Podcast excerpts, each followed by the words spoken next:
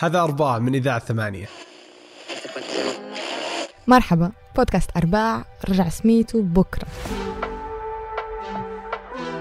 البودكاست اللي تعودنا نسمعه فيه عن أفكار كبيرة في وقت قصير يعود باسم جديد وحلة جديدة ونفس جديد.